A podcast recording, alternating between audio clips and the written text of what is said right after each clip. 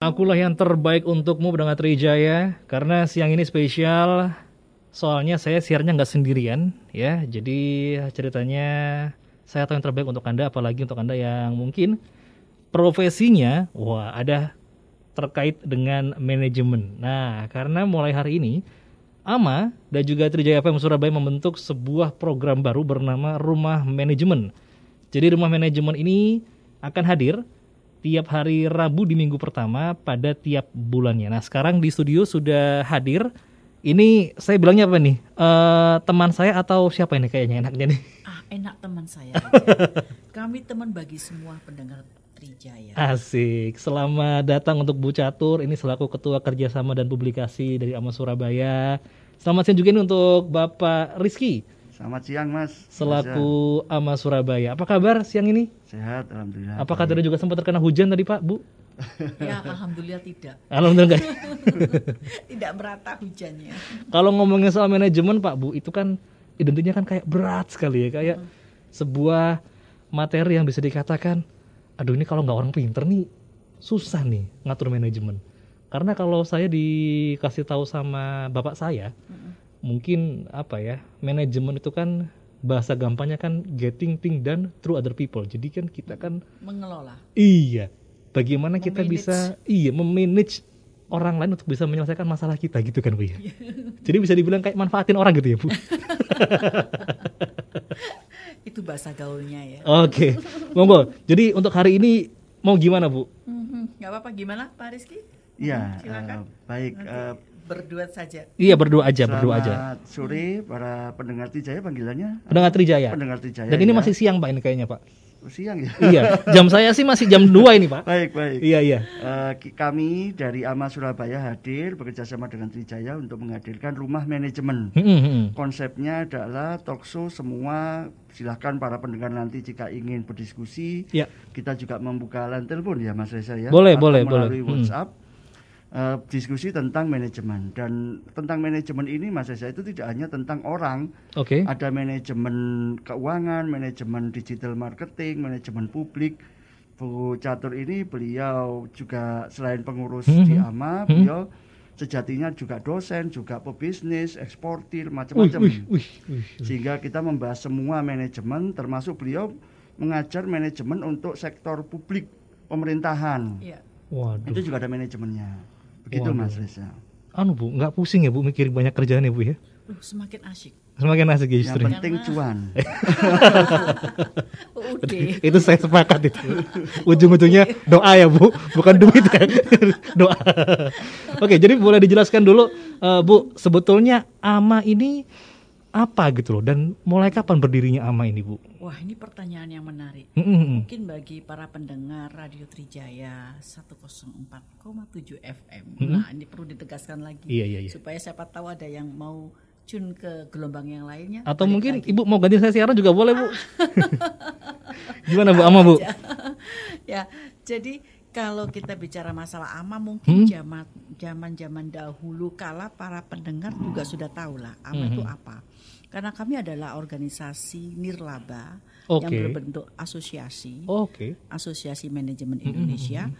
Usianya sudah 33 tahun. Saya nggak tahu. Nih, Masnya sama nggak dengan usianya Ama? saya lebih muda sedikit Oh, bu lebih muda sedikit. Iya, sedikit aja. Kelahirannya hampir sama kalau gitu. iya betul betul betul Karena organisasi ini sudah lama banget, jadi Mhm. kami sudah proven, sudah terbukti, kami banyak sekali menelurkan dan menjadi ajak bagi para pembicara-pembicara yang apa ya, semuanya juga apa ini berawalnya juga dari sini. Mhm. Jadi kalau kita dulu sering ada Pak James Kui, ada Pak Hermawan Kertajaya, Pak Tung de Semaringin, Hmm. ingat nih generasi sekarang tahu nggak nih nama-nama besar beliau ini? tahu tahu pak Pak Andre Wongso. ah iya iya Nah iya, itu beliau-beliau semuanya tuh dulu pernah berkolaborasi dan kita bahkan kita juga melahirkan apa ini eh, sepak terjang beliau-beliau yang bisa menjadi ikon dari manajemen. Nah jadi kalau kita dikatakan AMA itu benda apa sih gitu ya? Hmm, hmm, Nah itu AMA itu adalah asosiasi manajemen yang mana pengurusnya adalah para uh, orang-orang yang well known masalah manajemen. Jadi Oke. basic dari pengurus kami itu adalah para profesional, para owner nah, oke yang peduli untuk bersharing dengan apa ini kepada masyarakat masalah manajemen. Nah, singkat cerita, Hmm.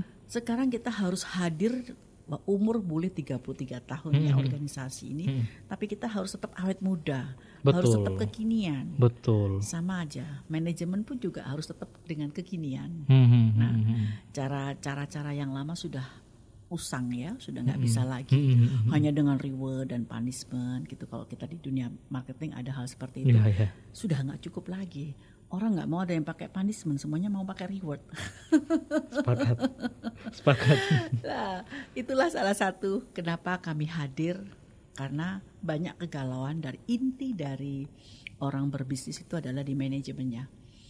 Bukan Sukses- pembukuan ya, Bu?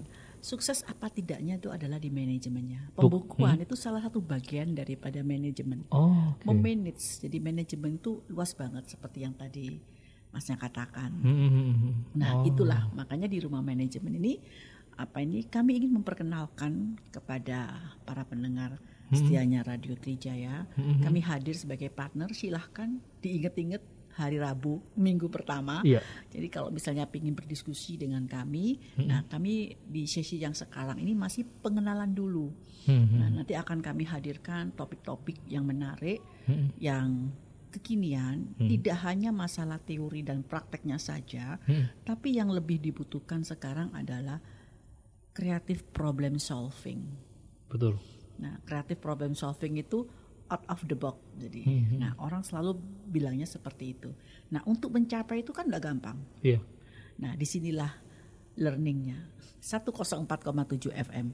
Nemenin penyiarnya nih saya jadi promo nih. Luar biasa. Kerjasama biasa. dengan AMA, Asosiasi Manajemen Indonesia. Jadi betul ya Pak ya kalau masalah eh, rata-rata pebisnis pemula terutama itu apa namanya eh, pebisnis pemula itu bisa dikatakan masalahnya ada di manajemen ya Pak paling besar itu. Intinya adalah manajemen. Laporan keuangan itu adalah hasil dari manajemen. Manajemennya bagus, laporan keuangannya bagus. Dan kita AMA ini eh, organisasi yang konsisten setiap bulan mengadakan training. Bahkan kita sekarang berupaya setiap minggu mengadakan training, baik itu webinar maupun offline seluruh Indonesia. Jadi AMA dari Jakarta, dari Makassar, dari Bandung saling sharing setiap minggu memberikan seminar. Ada yang terkait HRD, marketing, keuangan, terkait manajemen apa um, eh, digital marketing, perubahan, change Supply management, chain. supply chain, transportation Properti. setiap minggu. Hmm. Sehingga kalau misalkan uh, member saya, misalkan saya bergabung, Iya, kemudian iya, iya. saya minggu depan HRD, saya tinggal minta staff saya saja ikut tentang HRD.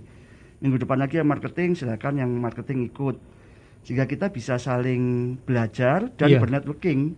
Wah ini Kalau dengan pandemi kita bekerja sendiri berat Iya, Mas iya. Reza. Hmm, hmm, hmm. Tapi kalau kita bisa bekerja sama, pendengar Trijaya juga bisa ikut saling apa ya, mendapatkan ilmu, bisa saling meniru, itu kita bisa melewati pandemi dengan baik. berarti Amas sendiri juga sudah buka buka eh, kelas berarti ya Pak ya untuk trainingnya itu tadi ya. Kita konsepnya adalah uh, membership satu bulan, Oh membership. betul, dan nilainya sangat murah sekali. Ah, Satu bulan itu bisa bebas mengikuti semua kegiatan kita, workshop, uh, company visit, kita juga diskusi dengan senior senior business owner, itu bebas. Oh, Oke. Konsepnya hanya membership saja, kan kita nirlaba, Yes bukan, yes yes. bukan training house yang mencari laba, bukan. Hmm, ih berarti enak banget berarti ya Bu ya harusnya Ada ya. biayanya sih, cuman biaya itu sangat terjangkau Sangat ya Pak ya. sekali. Mm-mm. Iya. Biaya berapa ya Pak ya? 150 ribu 150 ribu. Per bulan. sebulan. Satu Kalau bulan. setahun sekaligus diskon satu bulan itu kita empat kali training, company visit, ada workshop tentang Setiap minggu boleh Counting. mencas untuk ya kita setiap minggu bisa ikut acara dari program-program webinar kami betul. dengan 150 ribu itu. Untuk untuk untuk saat ini apakah masih dalam bentuk webinar atau sudah ketemu offline Bu? Sudah Booth mulai ya, offline. Antara online dan offline Ya, ya. karena sudah level Hmm. 1, kita sudah beberapa kali offline, bahkan kita merancang kembali company visit. Dulu kita company visit sampai ke Thailand. Tentu yang ke Thailand keren. tiket pesawatnya bayar sendiri. ya iya Pak. Ya masa numpang di bagasi. iya iya iya iya iya iya. Oke oke jadi wah jadi memang sudah banyak program ini jujur Bu ini saya baru tahu ini Bu karena kan mungkin usia saya dengan Ama kan ya nggak beda jauh lah Bu jadi ya ya nggak apa-apa lah ya Bu ya kalau misalnya Iya. bertahun dengan kolaborasi Lebih ini kan baik semakin terlambat. Iya, kan mungkin tidak juga teman-teman teman-teman yang yang muda-muda juga eh, ada yang seperti saya mungkin yang yang baru tahu oh ternyata ama ini sudah 33 tahun usianya dan memang sudah banyak sekali eh, berkolaborasi dengan orang-orang hebat ya Pak ya. Betul. Kalau ingin tahu lebih lanjut tentang Mm-hmm. Ama Surabaya, bisa di Instagram kami Ama Surabaya, @ama Surabaya. Ama Surabaya. Betul. Oh, Oke. Nanti ada juga Ama Malang, Ama Makassar. Kita ada di 16 kota. Cuman kami Surabaya, Mm-hmm. Instagramnya Ama Surabaya. Oke. Baik untuk Anda pendengar DJ yang pengen tahu lebih lanjut mengenai Asosiasi Manajemen apa tadi Pak? Indonesia. Indonesia. Anda Chapter boleh Surabaya. eh, chat ya via WhatsApp di 0811 335 1047 sekali lagi 0811 335 1047 karena saya juga punya pertanyaan tapi nanti saya simpan dulu biar seru ini Bu. Ada door prize-nya. Oh, udah dopresnya ya? Ada. Oh, katanya piring cantik ya, Pak? ada tumbler, ada Iya, iya, iya, iya. Ada dia juga dari eh, Ama Surabaya. Jadi pastikan Anda yang beruntung berikan pertanyaan terbaik Anda seputar tentang manajemen.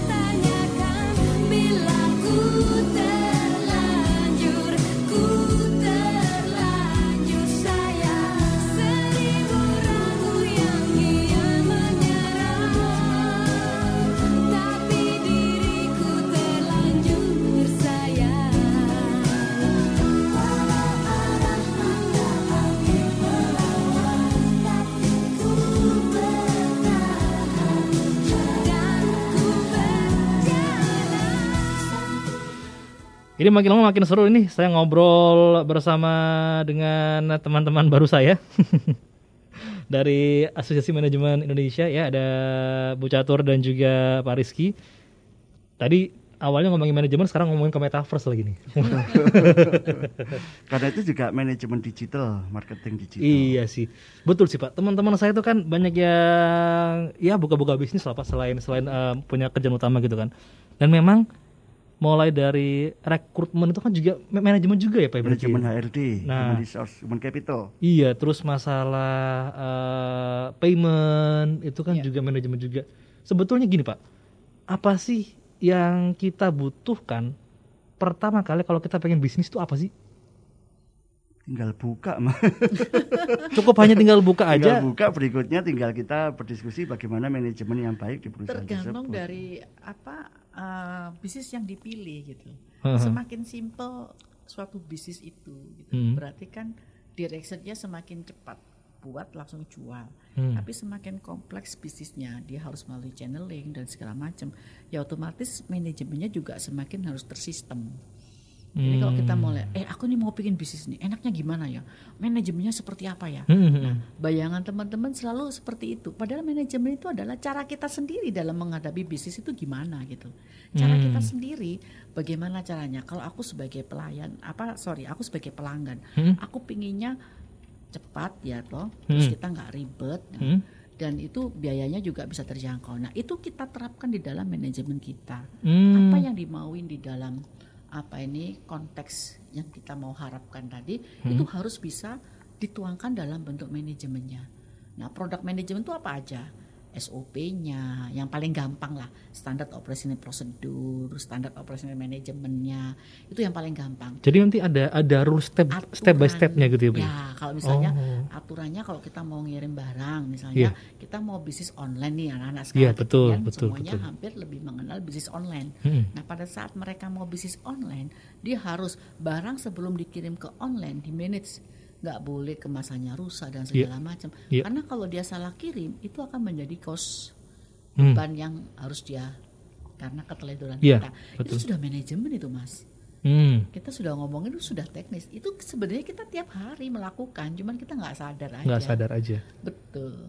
Iya, dan kita di AMA ini, kenapa kok kita bergabung di AMA? Hmm. Eh, karena kita tinggal berdiskusi dan meniru saja dari senior-senior yang ada, Mas Reza.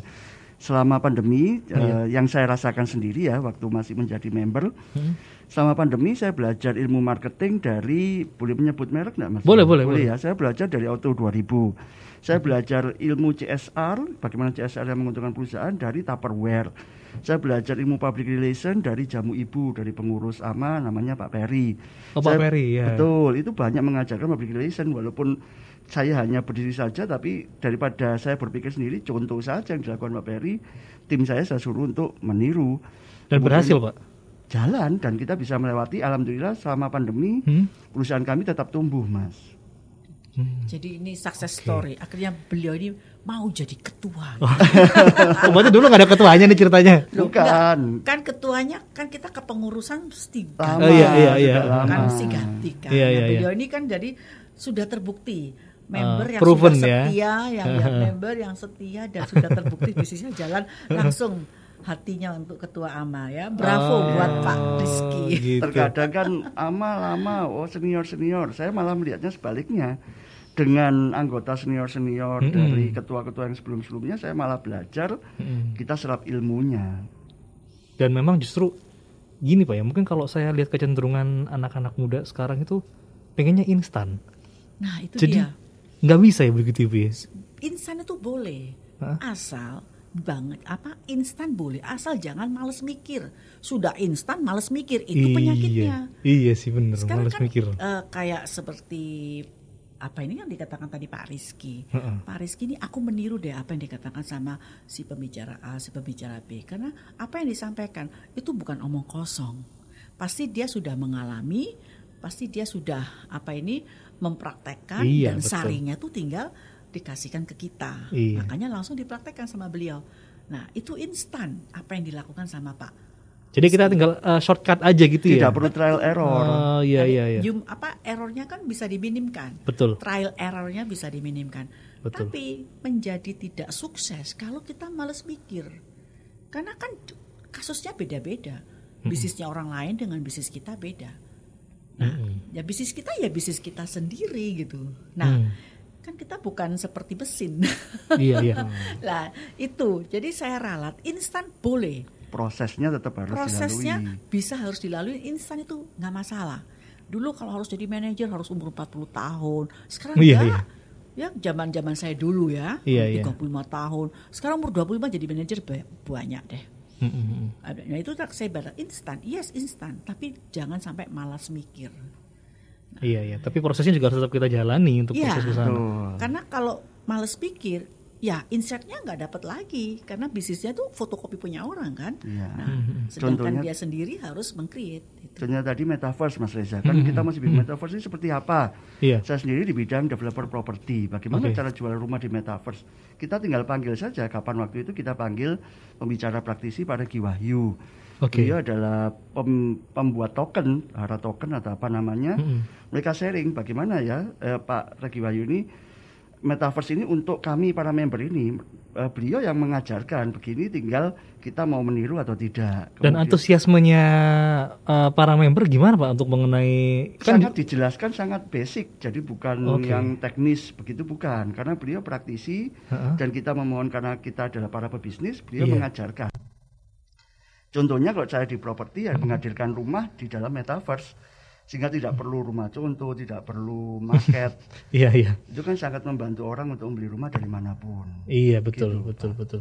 dan kita kemarin belajar tentang eh, bagaimana manajemen bisnis keluarga supaya tidak konflik Ah iya itu benar kan tuh. banyak yang sudah besar akhirnya saling gugat menggugat akhirnya pecah itu kita tinggal panggil saja praktisi yang dia memang konsultan manajemen keluarga yang mengatasi konflik dia memberikan clue-cluenya kita tinggal meniru intinya minimalisir lah supaya itu tidak terjadi. Jadi lengkap Pak ya maksudnya apa aja ada ya kalau kalau di Aman berarti kalau mang jadi memang fokus ke manajemen. Oh kalau misalnya eh, apakah juga diajari juga nggak? Cara mendirikan mungkin mendirikan PT itu apakah apakah juga ada konsultannya. Nanti tinggal bisa diskusi sama konsultan tersebut Oh. ada yang eh, kantor akuntan publik. Silakan kalau mau bekerja sama dengan kantor akuntan publik. Networking kita kan banyak. berarti Banyak. sudah apa ya istilahnya istilahnya itu ladangnya sudah ada semua jadi tinggal tinggal kita tinggal kitanya aja yang bisa manfaatkan saja. wow ini dengan biaya yang sangat sangat terjangkau tapi memang feedback feedbacknya banyak gitu loh Iya. oke kita untuk bermanfaat iya untuk kelasnya sendiri pak kalau boleh tahu eh, apakah ada setiap minggu atau ber- eh, dalam satu bulan ada berapa kali kelas tuh Sekarang kita menargetkan setiap minggu sekali, bahkan beberapa karena kita ada 16 cabang Mhm, itu mhm. bisa seminggu lebih dari sekali, Mas. Tinggal ikuti saja di IG kami, Mm-mm. itu nanti ada apa e-flyernya kontennya. Jika berminat bisa menghubungi sekretariat kami di nomor tercantum di IG tersebut. sebutin pak Instagramnya apa pak Ama Surabaya. Ama Surabaya. at ama surabaya oh oke Ama Surabaya. jadi bisa di follow nanti juga bisa eh, klik nomor handphonenya itu Ya. untuk tahu lebih lanjut gitu ya pak ya Betul.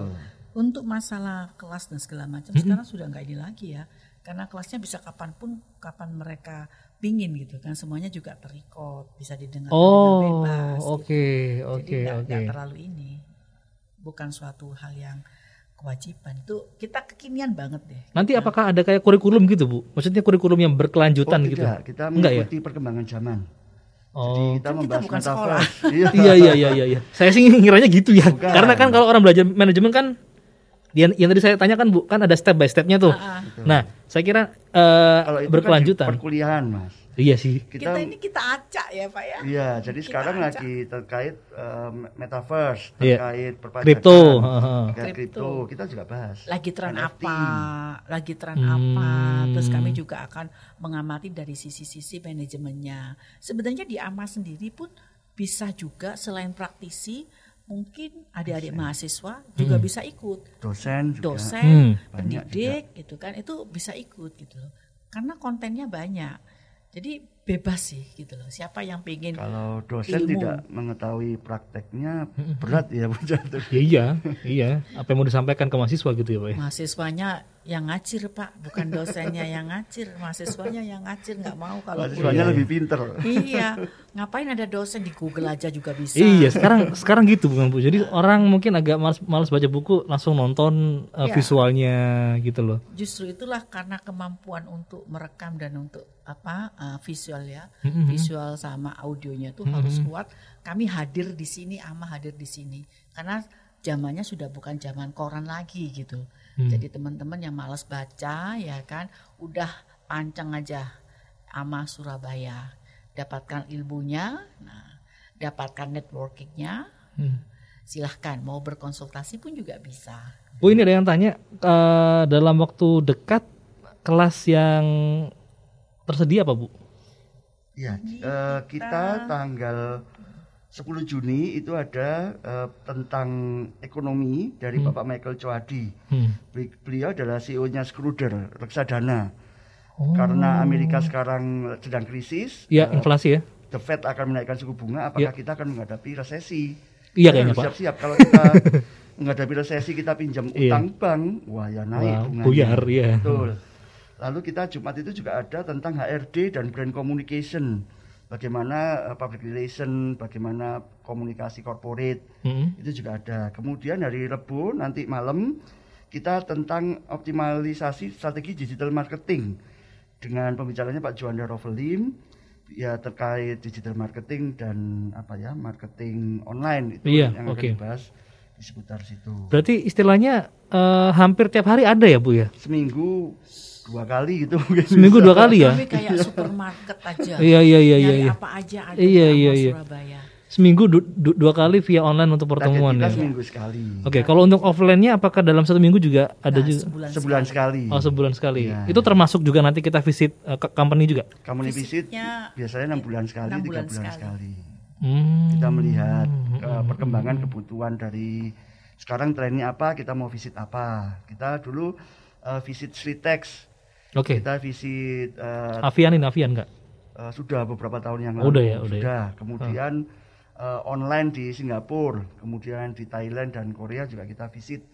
Eh, pabrik ice cream IC kita juga visit. Oh, Jadi tergantung Iya. Oh sekarang yang lagi tren yang ingin dipelajari teman-teman apa? Kita eh, pabrik otomatisasi dari mobil itu juga kita visit. Wah, Lihat semua keren. pabrik itu tanpa orang hanya otomatis saja. Bagaimana begitu? Nah, berarti kan istilahnya kalau kalau misalnya tanpa orang akan mengurangi tenaga kerja gitu, Oh jelas. Ya. Itu yang akan dikhawatirkan. Nah, kalau Tapi kan Kalau Pola kita melihat manajemennya seperti belajarnya di apa? Nah, Eh. justru itulah kita uh, silakan nih pendengar Radio Trijaya ini yang haus ilmu, yang haus wawasan, haus bernetworking, ya ya. move on deh, gabung aja di Ama Surabaya. Karena ini kalau saya eh, baca untuk narasumber-narasumber yang pernah bekerja sama ini ada namanya juga nggak main-main ya Bu. Iya. Namanya Pak Herman Kertajaya, Pak Tungdo Semua Pak Ringin, Santoso. Pak James Gui, Pak Renald eh, Renald, Renald, eh, Ghazali. Kita juga pernah adire bagaimana manajemen health sebelum pandemi. Kemudian kita juga menghadirkan dokter almarhum eh, penyakit internis bagaimana menghadapi COVID. Aduh, aduh, ini eh, Manajemen luas Mas semuanya disikat ya Pak. Iya. Manajemen. Iya. Supermarket uh, ilmu lah, supermarket ilmu, Ilmu di manajemen. Ilmu Iya, iya. manajemen, Makanya kita supermarket ilmu manajemen, rumah manajemen. rumah manajemen. Oke oke. Sebetulnya kalau boleh saya tahu ini bu apa ya eh grand plan-nya sendiri dari dari AMA itu apa gitu? Apakah memang ingin mencetak pengusaha-pengusaha baru di Surabaya atau apa gimana? Kami ingin memberikan kontribusi kepada masyarakat Surabaya Ya. atas eksistensi kami Hmm. supaya eksistensi bisnis mereka pun juga makin bagus. Sehingga kami juga akan membuat program-program di rumah manajemen itu kami akan menggodok. Hmm. Ada award, terus kita juga akan menggodok hal-hal yang terkait dengan apa ini eh, konsultasi. Kita juga menggodok nanti dengan program rumah manajemen ini feedback apa-apa saja, rating, ini menarik apa tidak. Kami membiasakan diri bekerja dengan pola manajemen yang diharapkan sama masyarakat, seperti juga masyarakat mengharapkan apa kepuasan yang dia ingin dapatkan. Jika kalau misalnya yang dicari adalah ingin masyarakat itu bisa stable gitu ya Bu untuk bisnisnya, kenapa nggak sekalian bikin eh, apa namanya kampus khusus bisnis gitu Bu? Ide yang menarik. nanti Ide saya- yang menarik. Nah, iya kan? Nanti saya ingat. Iya. Apa, apa Trijaya juga bikin sekolah? Ayo kami mau juga. Nah, dulu ya kita masih zaman-zaman dulu kan ada sekolah-sekolah broadcasting. Iya iya iya iya sama sekarang tuh Bu. Sekarang kan up down ya karena Iya, kondisi iya, betul. gitu kan. Betul, sudah betul. nggak ini lagi, sudah nggak apa, eh, sudah dianggapnya tidak menarik lagi, Hmm, jadi hmm, arahnya ke digital semua Iya, iya. gitu. Iya, iya, ya iya. mungkin seperti itu juga. Boleh tuh kolaborasi ya Pak ya. Iya iya iya bisa ini ya. Trijaya School. Saya keceplosan kayaknya nih. Kita juga bekerja sama kok dengan kampus. Kita sudah bekerja sama dengan banyak kampus di Surabaya. Mm-mm. Oke, ini eh, untuk Anda mendengar Trijaya jangan hanya diam. Yuk, ini kesempatannya luar biasa. Ini boleh saya dibocorkan Pak kira-kira hadiahnya apa nih untuk eh, pendengar Trijaya yang ingin bertanya-tanya apa hadiahnya Pak? Eh, door prize. Door prize-nya apa tuh? Hmm? Ada tumbler, Tumbler. Terus? apalagi itu. Oh, ada pendengar. tumbler ya. Iya, Oh, Oke. pendengar. Jadi untuk Anda mendengar Trijaya, Anda bisa mendapatkan tumbler eksklusif dari Ama Surabaya. Tinggal memberikan pertanyaan terbaik kepada kami di 0811 335 1047 dan setelah ini saya akan kembali lagi. Stay tune cuma di MNC Trijaya FM Surabaya.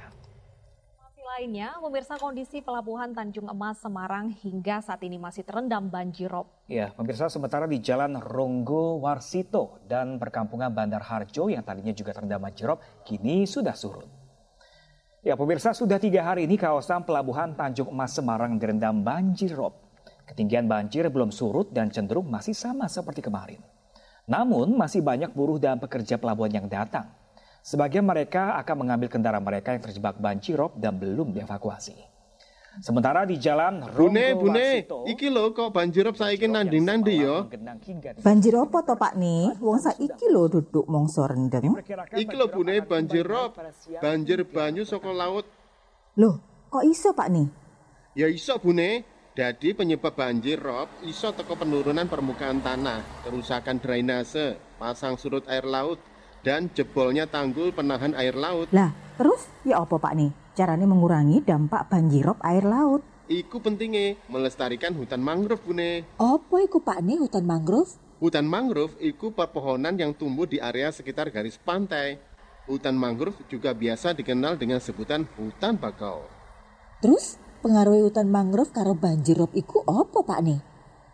Dengan adanya hutan mangrove bune akan memperlambat pergerakan air pasang surut, menyebabkan sedimen mengendap dari air dan membangun dasar berlumpur.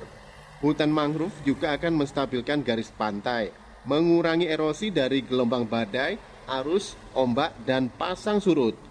Sistem akar mangrove yang rumit juga membuat hutan ini menarik bagi ikan dan organisme lain yang mencari makanan dan berlindung dari predator. Oh, ngono ta. Ya ya ya ya. Hmm, sakjane sih ono siji maneh lho Pak nih manfaate. Apa itu bune ono mana ta? Yo, dadi cucukane Pak nih to, lek minggu mancing. Bener apa bener? Haha, lah iku bener bune.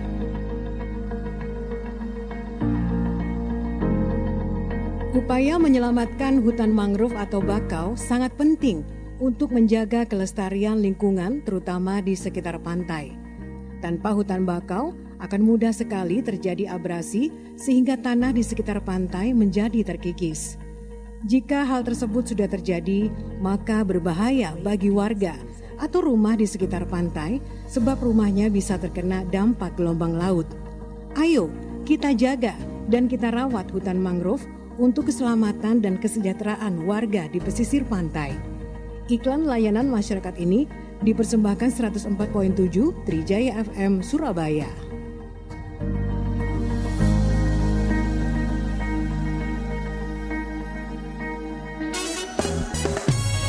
I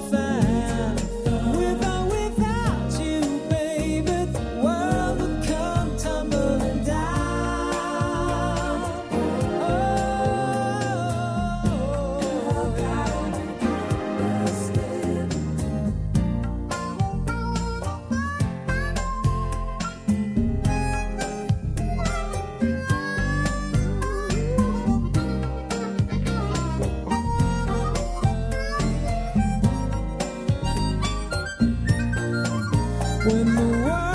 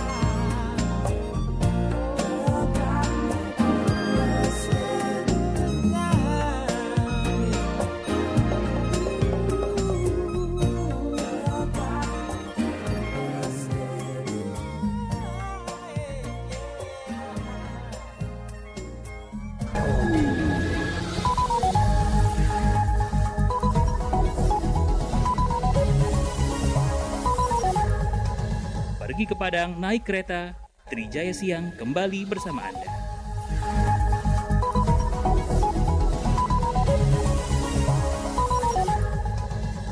Masih di Trijaya Siang bersama dengan saya Reza Akbar dan juga ditemani Ibu Catur serta Pak Rizky ini dari Ama Surabaya. Makin ke sini kayaknya saya makin gemes ini untuk ingin bergabung sebetulnya Pak.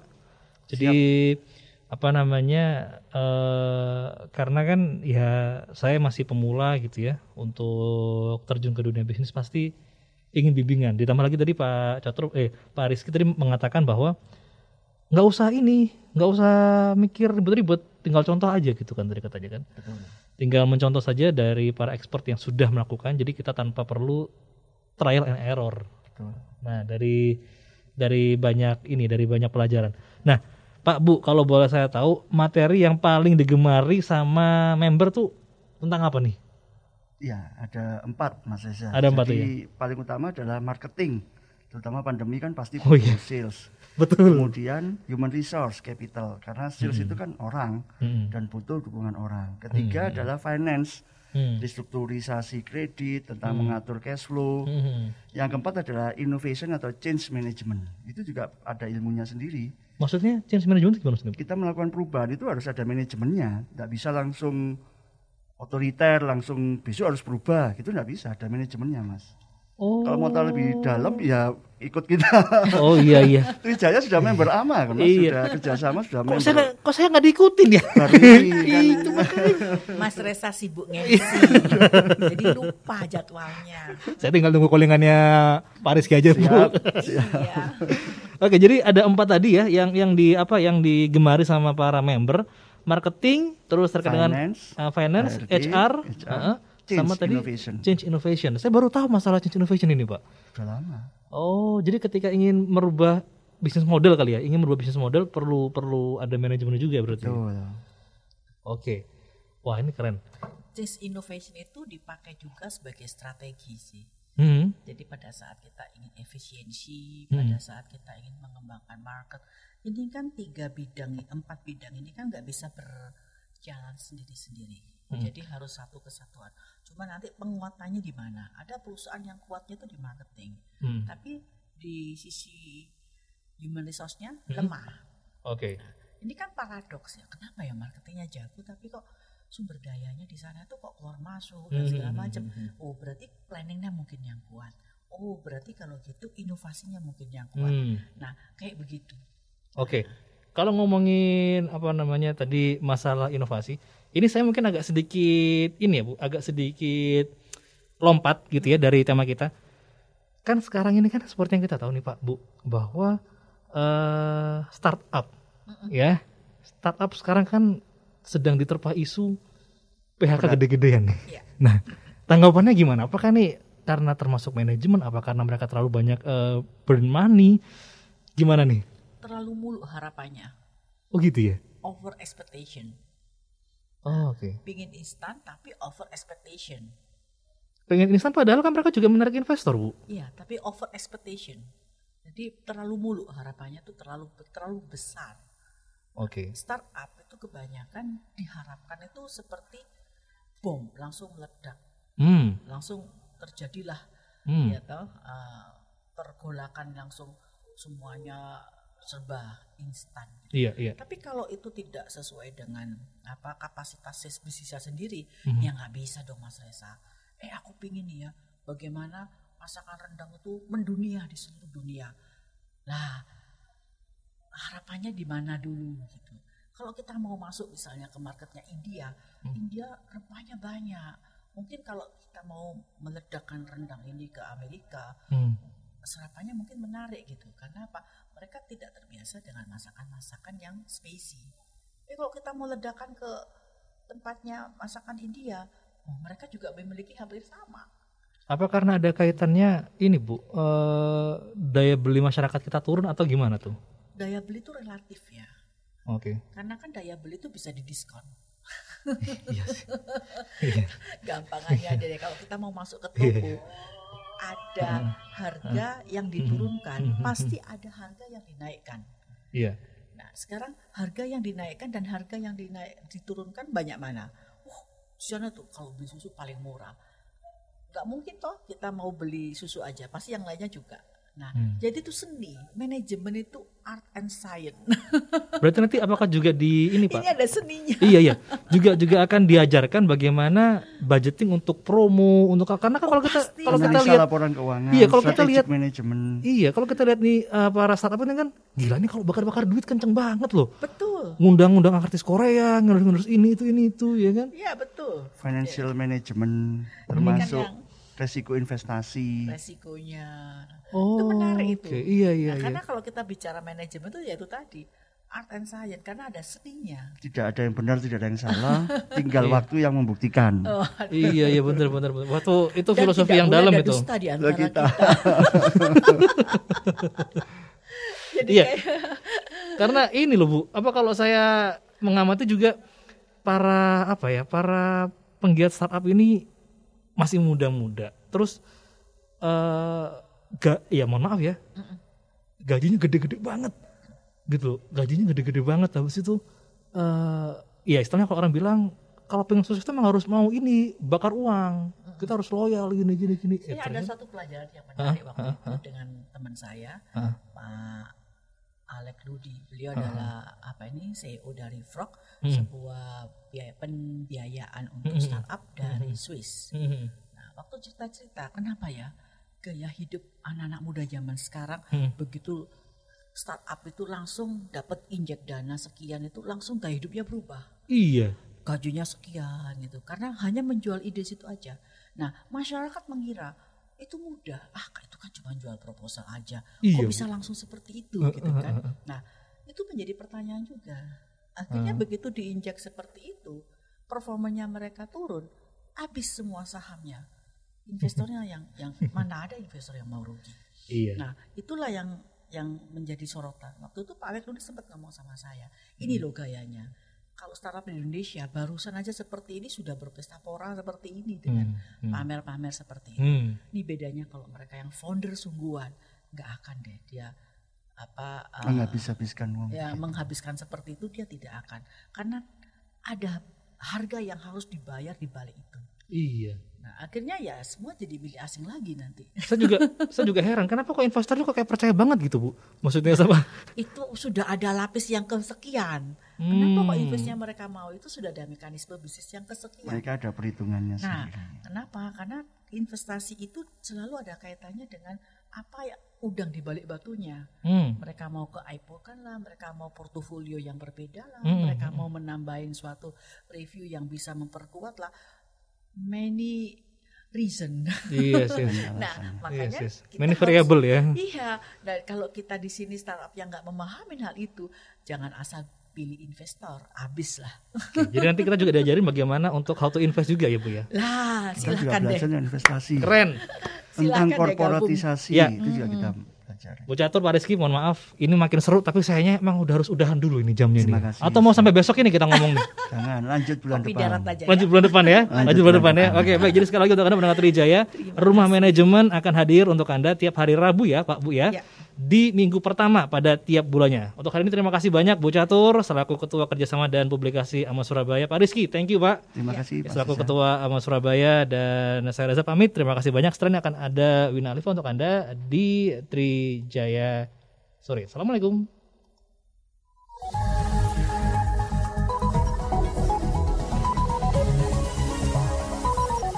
Ikuti Trijaya Siang 104.7 MNC Trijaya Surabaya.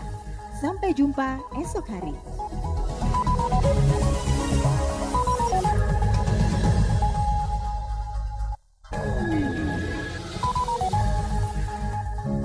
Aku jatuh cinta